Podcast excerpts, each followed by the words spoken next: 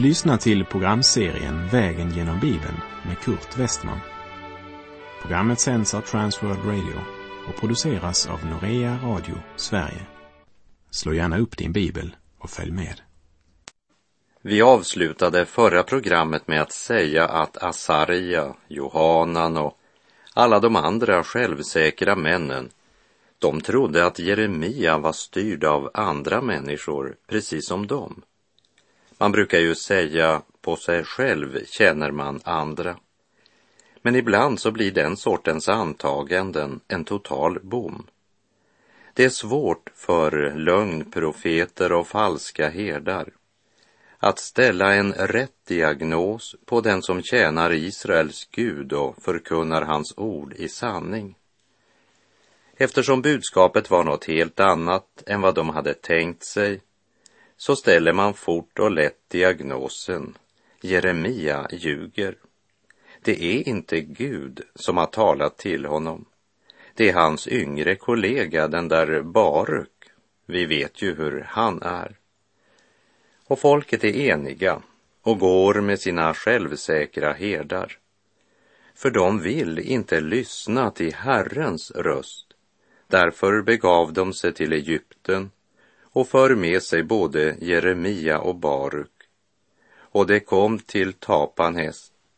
Hur många det var som på det här sättet lämnade sitt fäderneland för att aldrig mer återvända, det vet vi inte. Men det var i alla fall många av dessa som reste som verkligen skulle ha behövts vid återuppbyggnaden av Juda. Och det visste Jeremia. Tapanches är en egyptisk gränsfästning. Men eftersom farao inte hade något residens i Tapanches så måste orden faraos hus i Tapanches betyda att det var någon form för offentlig byggnad där det som satts att styra i området hade sin regeringsbyggnad. Men även om Jeremia alltså förts ner till Egypten mot sin vilja så fortsätter han att förkunna Guds ord för dem. Och vi läser i Jeremia 43, verserna 8 till och med 11. Herrens ord kom till Jeremia i Tapanes. Han sade, ta några stenar och göm dem i murbruket i tegelgolvet vid ingången till faraos hus i Tapanes. Gör detta så att de judiska männen ser det och säg till dem, så säger Herren Sebaot, Israels Gud, se jag ska sända bud och hämta min tjänare Nebukadnessar, kungen i Babel, och hans tron ska jag sätta upp ovanpå de stenar som jag har gömt här, och han ska breda ut sin tronmatta över dem. Ty han ska komma och slå Egyptens land och ge åt döden dem som hör döden till åt fångenskapen, den som hör fångenskapen till, och åt svärdet, den som hör svärdet till. Det folk som föraktade Herrens ord flydde till Egypten när Jerusalem drabbades av Guds dom. Men Babels kung ska även ödelägga Egypten. Varken fångenskap eller död kan människan undfly när Guds timme kommer. I Matteus 24.35 säger Jesus, himmel och jord ska förgå, men mina ord skall aldrig förgå. Jeremia försökte in i det sista ropa ut Herrens budskap till ett folk som förkastat Gud och som hastade mot sin egen undergång. Han försökte få dem att förstå att det var inte platsen som var problemet i Juda, men deras ogudaktighet. Tryggheten finns inte i Egypten, utan i gemenskapen med Gud. Lösningen är inte att fly till en ny plats. Lösningen är att bekänna sin synd och omvända sig till Gud. Och cirka 15 år senare så invaderar Nebukadnessar Egypten. Jeremia tjänst att förkunna Herrens ord för sitt folk avslutas i och med domen över de judiska flyktingarna som vi läser i kapitel 44. Genom sin tjänare Jeremia säger Herren i Jeremia 44, vers 12. Jag skall gripa dem som är kvar av Juda, dem som har bestämt sig för att bege sig till Egypten för att bosätta sig där. Det skall alla förgås, i Egypten skall det falla. Och vers 14. Av dem som är kvar av Juda och som har kommit till Egypten för att bosätta sig där skall ingen överleva och slippa undan så att de kan vända tillbaka till Juda land även om de önskar att få återvända dit för att bo där. Folket hade sett vad som skedde med Jerusalem därför att de inte ville lyssna till Herrens ord. Men de ser inte sin egen skuld utan vandrar vidare på dödens väg. Jeremia 44, vers 15 och 16. Alla de män som visste att deras hustrur tände rökelse åt andra gudar och alla kvinnor som stod där i en stor skara, alla som bodde i Patros i Egyptens land, svarade då Jeremia och sade, vi vill inte höra på dig när det gäller det som du har talat till oss i Herrens namn. När synden har fått en sån makt över människan så är hon räddningslöst förlorad redan medan hon ännu lever. Vi läser Jeremia 44, verserna 29 och 30. Detta ska för er vara tecknet på att jag ska straffa er på denna plats, säger Herren, för att ni skall förstå att mina ord om er skall gå i fullbordan till er olycka. Så säger Herren, se jag ska utelämna farao Hofra, kungen i Egypten, till hans fiender och till de män som står efter hans liv liksom jag har utelämnat Sidkia, juda kung, till Nebukadnessar, den babyloniske kungens, som var hans fiende och som stod efter hans liv. Och med dessa ord så avslutar som sagt Jeremia tjänst att förkunna Herrens ord för sitt folk. De har hört inbjudan till omvändelse för sista gången. Nu återstår bara Guds dom över deras liv. De har sått i sitt köttsåker och nu kommer ögonblicket då de ska skörda undergång. I Galaterbrevet 6.8 skriver Paulus den som sår i sitt kötts åker skall av köttet skörda undergång. Men den som sår i andens åker skall av anden skörda evigt liv. Folket i Juda och Jerusalem ville inte höra Herrens ord. Genom profeten Jeremia så blev de förelagda livets väg och dödens väg. De valde dödens väg. Och de får inte höra fler budskap från Jeremia mun. Men de ska bittert få erfara sanningen i det ord som Jeremia förkunnade. Men då är det för sent.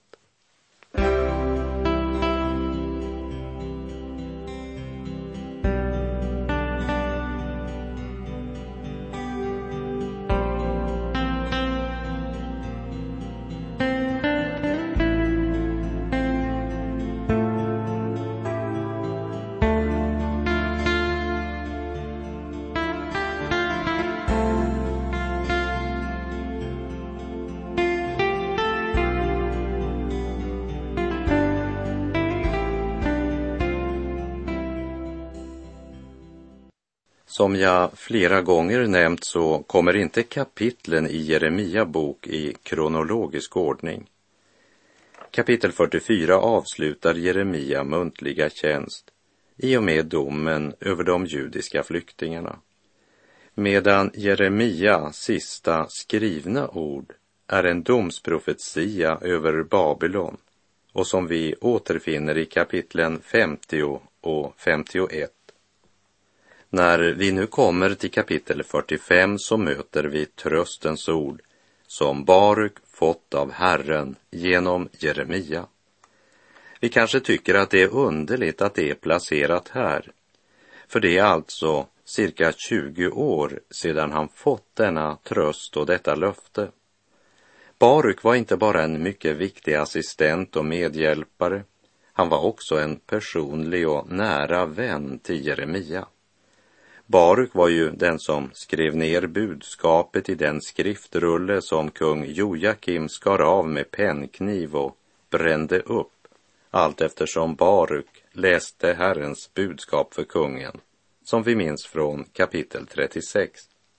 När Jeremia satt fängslad och köpte en egendom i Anatot så var det Baruk som ordnade alla papper och dokument som var nödvändiga för det köpet. Det läste vi i kapitel 32. Och profetian som vi läser här i kapitel 45, den kom alltså under kung Jojakims regering, men återges inte förrän här. Och det tror jag inte är någon tillfällighet. Herren hade nog redan när han kallade Baruk uppenbarat för honom vad som väntade honom om han valde att stå tillsammans med profeten Jeremia. Och när Baruk tillsammans med Jeremia nu tvingas resa till Egypten så påminner han nu på nytt om vad Gud hade lovat. Vi läser Jeremia kapitel 45, verserna 2 till och med 4. Så säger Herren, Israels Gud, om dig, Baruk. Du säger, ve mig, Herren har lagt ny sorg till min förra plåga. Jag är så trött av allt suckande och jag får ingen ro. Så ska du svara honom, så säger Herren. Se det jag har byggt upp ska jag riva ner och det jag har planterat ska jag rycka upp. Detta gäller hela jorden. Det var fruktansvärda förhållanden som rådde under kung Joakim. Ändå var det ingenting jämfört med det som skulle komma eftersom folket fortsatte att förakta Herrens ord. Men även om livets förhållanden skulle förvärras mycket så skulle Baruk veta att Gud hade full kontroll, hur kaotiskt det än kunde se ut när ogudaktigheten överflödade. Vi minns att den här profetian fick Baruk höra första gång när han var mycket ung. Den Gud som kallade honom till sin tjänst lät honom veta att om han valde att tjäna Herren helt och fullt ville en ogudaktig värld inte ge honom någon hög position. Han skulle inte vinna hela världen för egen del, men han skulle vinna sitt liv, vart än han skulle hamna och hur än det yttre förhållandena skiftade. Det har gått många år. Både Jeremia och Baruk har blivit äldre och de befinner sig nu i Egypten. De har under åren hånats, föraktats och misshandlats men genom allt detta har Gud ändå hållit sin hand över dem och det gjorde han fortfarande. Så när den här profetian nu repeteras för Baruk har den en ännu djupare innebörd än då den första gången uttalades. För nu har livets erfarenheter stadfäst detta Herrens löfte. I en period hade Baruk ju sagt, Ve mig, Herren har lagt ny sorg till min förra plåga. Jag är så trött av allt suckande och jag finner ingen ro. När vi känner hans historia så är det ju inte svårt att förstå att han upplevde det som om plåga lades till plåga. Hans liv var fullt av suckan och ett ogudaktigt folk och avfallna präster gav honom ingen ro. Men hans tjänst var som en lång, lång, långfredag. Tänk allt han hade varit igenom. Med fara för sitt eget liv hade han läst upp Jeremia profetior, både för templets präster, för höga ämbetsmän och för folket. Han hade varit på flykt för sitt liv tillsammans med Jeremia när kung Joakim ville mörda dem båda. För att inte tala om den tid då kaldéerna belägrade Jerusalem och hela stan var i ångest i ett och ett halvt år. Bara den nöd som var förbunden med den tiden hade varit en oerhörd belastning när man även hatas av dem som är på insidan murarna. Ve mig, sa Baruk. Herren har lagt ny sorg till min förra plåga. Tänk alla dessa falska beskyllningar Baruk råkade ut för och sen att mot sin vilja bli bortförd till Egypten. Men det är tydligt att det här Herrens löfte, det har burit Baruk genom allt detta. Och när den här profetian nu placeras här i kapitel 45 strålar den med den glans som erfarenheten ger när erfarenheten stadfäster Herrens ord. Vi ska inte heller glömma att den här profetian börjar med en tillrättavisning. Du begär stora ting för dig. Begär inte något sådant. Vi läser Jeremia 45, vers 5. Och du begär stora ting för dig. Begär inte något sådant. Se, jag ska låta olycka komma över allt kött, säger Herren, men låta dig vinna ditt liv som ett byte, vart än du beger dig. Det är som en återklang av Jesu ord i Lukas 9.25. Vad hjälper det en människa om hon vinner hela världen men förlorar sitt liv eller själv går förlorad? Till Baruk säger Herren, jag ska låta dig vinna ditt liv. I Andra Korinthierbrevet 4, vers 17 och 18 står det. Ty vår nöd som varar ett ögonblick och väger lätt bereder åt oss på ett oändligt rikt sätt en härlighet som väger tungt och varar evigt. Vi riktar inte blicken mot det synliga utan mot det osynliga. Ty det synliga är förgängligt, men det osynliga är evigt.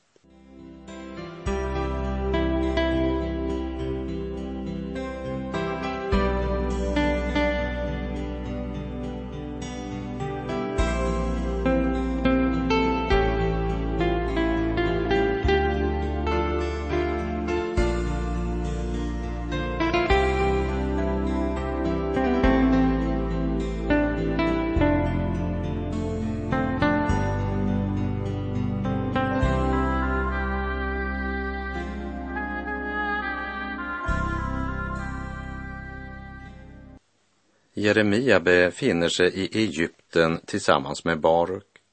Mot sin vilja så har de förts dit av de som var kvar av folket i Juda och som i brott mot Herrens klart uttalade vilja reste till Egypten för att slå sig ner där. Jeremia röst har inte tystnat, men nu talar han inte längre till folket från Jerusalem och Juda de sökte inte Herren medan han lät sig finnas. Och Gud har inget mer att säga till dem. Men han talar än en gång om vad som ska hända med dem därför att de övergivit Herren, sin Gud. Profetiorna gäller landen som fanns runt omkring Israel de kommer i geografisk ordning och börjar i sydväst med Egypten och talar om vad som väntar Egypten. Därmed har han ju också talat om vad som kommer att hända med den lilla grupp från Juda som sökt tillflykt i Egypten.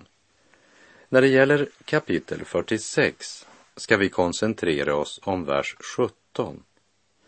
Man ropar där Farao, Egyptens kung, är bara ett buller. Han har försummat sin tid. Vi minns från Andra Mosebok att kapitel 10 avslutades med att farao var mycket irriterad och säger till Mose Gå bort ifrån mig och akta dig för att komma inför mina ögon en gång till. Den dag du kommer inför mina ögon ska du dö. Och Mose svarar, du har talat rätt. Jag ska aldrig mer komma inför dina ögon. Underförstått, inte därför att jag är rädd, men därför att Gud har bestämt det. Din tid är nu förbi, farao. Faraos förhärdelse hade nått en punkt där Mose inte behöver räkna med honom längre. Han behöver inte mera stå inför faraos ansikte, behöver inte möta honom personligen.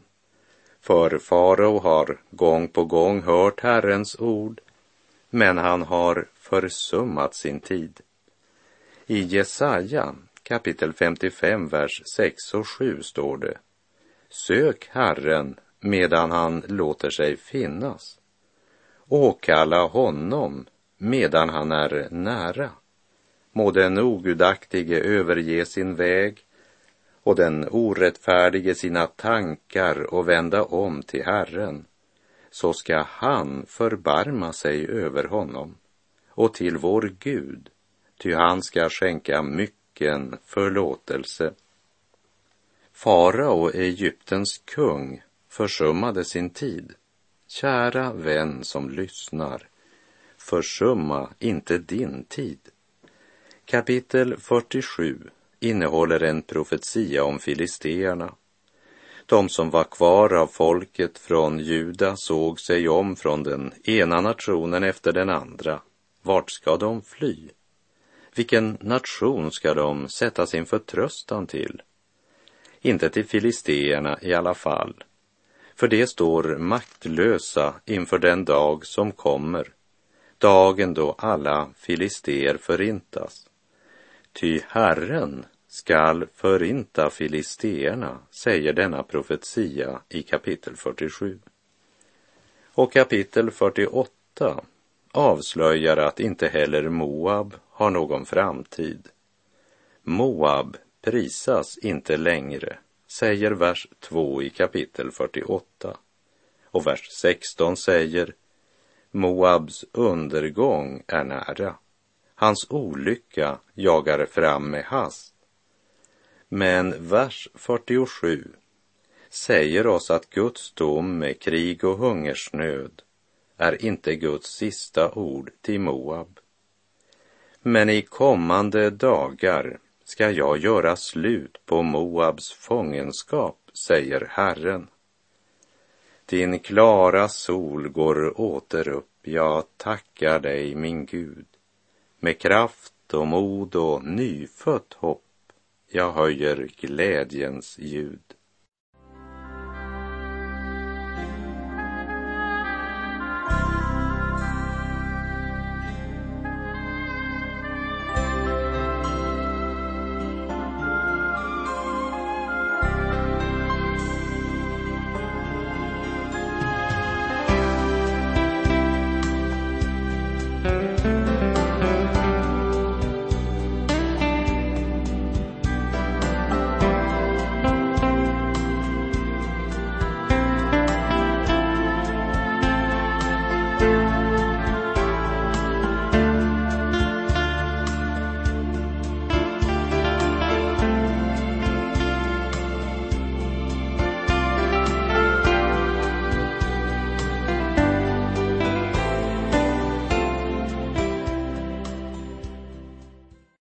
Vi har sett att eh, skaran som lämnade Juda för att söka sin tillflykt i Egypten, de gjorde ett fruktansvärt stort misstag. Mot Guds klart uttalade vilja flydde de till det som i deras ögon såg ut som det bästa, men som i verkligheten var från askan och in i elden. Och vart ska de fly från Egypten? Filisteerna står snart för fall när Herren ska förinta dem så grundligt att alla som är kvar utrotas. Så där är det inte värt att vara. Moab ska ligga krossad. Moabs undergång är nära. Och i kapitel 49 får vi veta vad som väntar Ammons barn för vad de gjort mot Guds utvalda folk. Vi läser Jeremia 49, vers 2. Se, därför skall dagar komma, säger Herren, då jag ska låta ett stridsrop höras mot Rabba i ammoniternas land. Det ska bli en öde grushög och alla dess lydstäder ska brännas upp i eld. Israel ska då ta i besittning dem som tog hans arv, säger Herren. Men även för ammoniterna så är inte Guds domsord det sista. För i vers 6 ljuder Herrens budskap men därefter ska jag göra slut på Ammons fångenskap, säger Herren. När det gäller Edom säger Herren i Jeremia 49.18 som när Sodom och Gomorra med sina grannstäder ödelades, säger Herren. Så ska ingen bo där mer och ingen människa vistas där. Och i verserna 23 till och med 27 följer profetian om Damaskus. Därefter kommer profetian om Kedar och Hasor. Profetian om Hasor den uppfylldes när Josua intog Hasor och slog dess kung med svärd. Alla de som var där inne blev slagna med svärd och tillspillogivna så att ingenting som hade anda lämnades kvar. Och själva Hasor brändes upp i eld, säger Josva bok kapitel 11, vers 10 och 11. Och kapitel 49 hos Jeremia avslutas med profetian mot Elam. Jag ska låta fyra vindar komma mot Elam från himlens fyra hörn. Jag ska skingra dem åt alla väderstreck. Men också den domsprofetian avslutas med ett löfte, Jeremia 49, 39. Men i kommande dagar ska jag göra slut på Elams fångenskap, säger Herren. Och med det så är vår tid ute för den här gången. Så ska vi i nästa program se närmare på profetian om Babel, vilket för oss kommer att uppenbara att det är inte en händelse, tanke eller gärning i Babel som inte är registrerad hos Gud. Och det är kanske något vi alla borde tänka på, som det står i Hebreerbrevet 4.13. Inget skapat är dolt för honom, utan allt ligger nakent och uppenbart för hans ögon och inför honom måste vi stå till svars. Herren vare med dig. Må hans välsignelse vila över dig. Gud är god.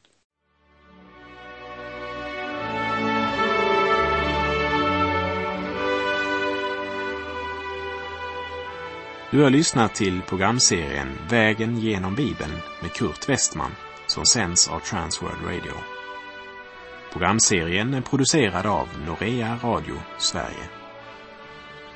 Om du önskar mer information om vårt radiomissionsarbete så skriv till Norea Radio Sverige, box 3419 103 68 Stockholm.